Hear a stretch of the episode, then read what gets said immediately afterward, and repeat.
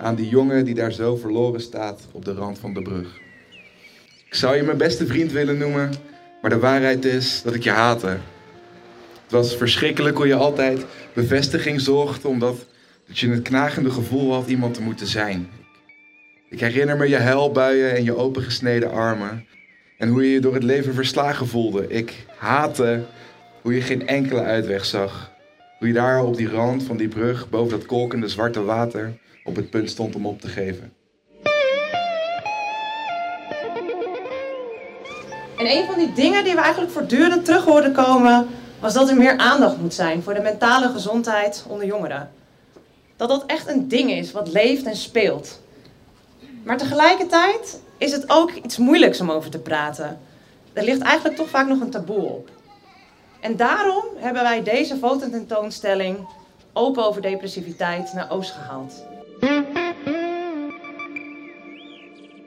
Je luistert naar geluiden uit Oost. Vorige week werd er op het Oranje Vrijstaatplein een multimediale fototentoonstelling geopend die aandacht vraagt voor depressiviteit onder jongeren. 30 foto's confronteren je met de werkelijkheid van deze jongeren om het gesprek hierover te entameren. Geluiden uit Oost was ter plaatse en sprak met Mirjam Becker-Stoop van Stichting Open Mind, die deze tentoonstelling heeft geïnitieerd. Ik ben Mirjam Becker-Stoop en initiatiefnemer van deze tentoonstelling. In eerste instantie doen wij vanuit Stichting Open Mind allerlei uh, onderwerpen onder de aandacht brengen op deze manier. En persoonlijk, ik wilde al heel graag een tijd samenwerken met Linelle Deunk, deze fotografe. En toen we met elkaar aan tafel zaten, toen kwamen we erachter dat we allebei een dochter hebben die kampt met depressieve gevoelens.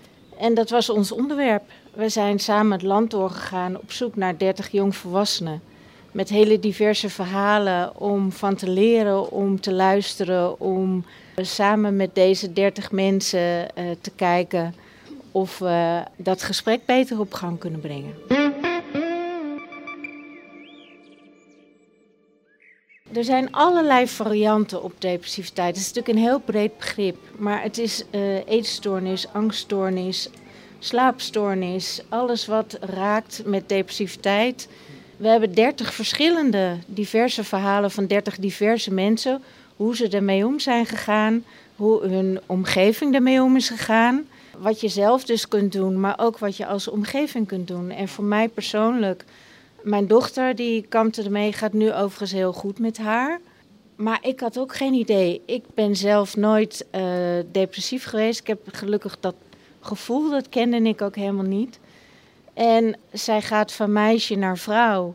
En zij komt totaal klem te zitten. En ik ben heel pragmatisch. Dus ik dacht, oh, we moeten dit en we moeten dat. En allerlei oplossingen zoeken. Terwijl ik eigenlijk gewoon naast haar moest kruipen en vragen: wat kan ik voor je doen? Ik moest eigenlijk gewoon luisteren. En dat was voor mij ja, heel nieuw. En daar heb ik heel veel van geleerd. En uh, ja, dankzij deze 30 geweldige mensen die het ook heel spannend vonden om met hun grote portret en verhaal in de openbare ruimte te staan. Maar toen ze met z'n allen aankwamen lopen in het Vondelpark, toen werden ze ook allemaal heel erg trots en sterk van ja, ik sta hier voor jou eigenlijk. We zijn uh, uh, oktober 2020 begonnen in het Vondelpark. En het was onze eerste locatie. En uh, ze stonden daar midden in het park om de vijver heen. En het was heel regenachtig. En nou, ik heb daar wel in een halve dag 10, 15 mensen gesproken die blij waren, boos waren omdat ze er nog niet aan toe waren, die uh, terugkwamen met een broer of een zus om verder dat gesprek op gang te brengen. Uh, heel veel dankbaarheid, heel veel uh, heftigheid, tranen, hele bijzondere gesprekken.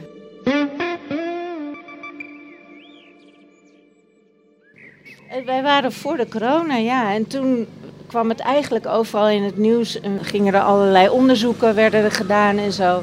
Maar het was er natuurlijk altijd al. Alleen het kwam meer naar boven en uh, ja, het explodeerde. Dus ja, het, het, was voor ons een heel mooi momentum om te beginnen en om rond te reizen. En we zijn ook Tijdens corona konden we gewoon door omdat het in de openbare ruimte is. Het was, was ook heel fijn voor ons. En ook tot de enorme steun van heel veel mensen. Dus dat was echt uh, geweldig.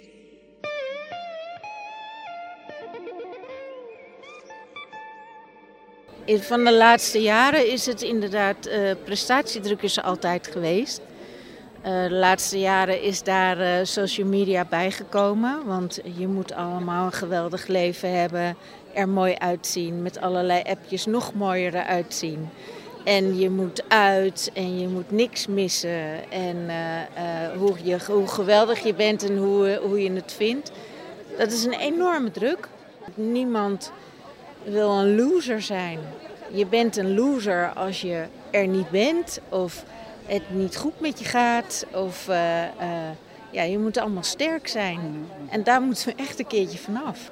Ook op het onderwijssysteem ligt een hele hoge druk dat je moet presteren. Ook als school en ook als onderwijzer. Je moet hoge cijfers hebben, want anders komen er geen kinderen naar je school. Dus die, je moet die kinderen pushen dat ze blijven leren, leren, leren.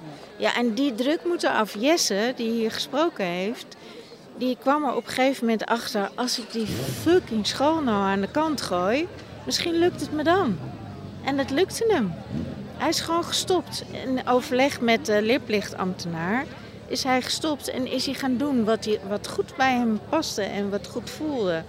En ja, nu zie je hoe goed hij bezig is en hoe goed het met hem gaat. Leek wel of niemand je kon helpen. Misschien haatte ik dat nog het meest. Maar godzijdank gaf je niet op, man. Je moest eens weten. Nu, tien jaar later, schrijf ik je om te vertellen dat het beter werd.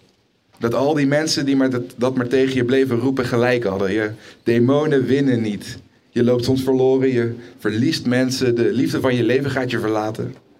Het gaat vaak voelen als een verloren wedstrijd. Maar in het ergste geval is het gelijkspel met kans op verlenging en strafschoppen.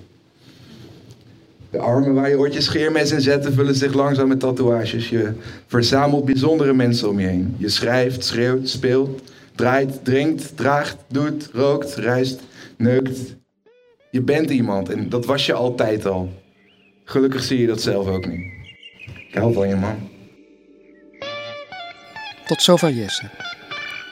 Het is de moeite waard om langs deze portretten te lopen en naar de verhalen van deze jongeren te luisteren. Om, wanneer het nodig is, makkelijker met elkaar over deze gevoelens te kunnen praten. Dit was Geluiden uit Oost. Bedankt voor het luisteren en tot de volgende keer. Wil je reageren, dan kan dat via hello@geluidenuitoost.nl. Bedankt.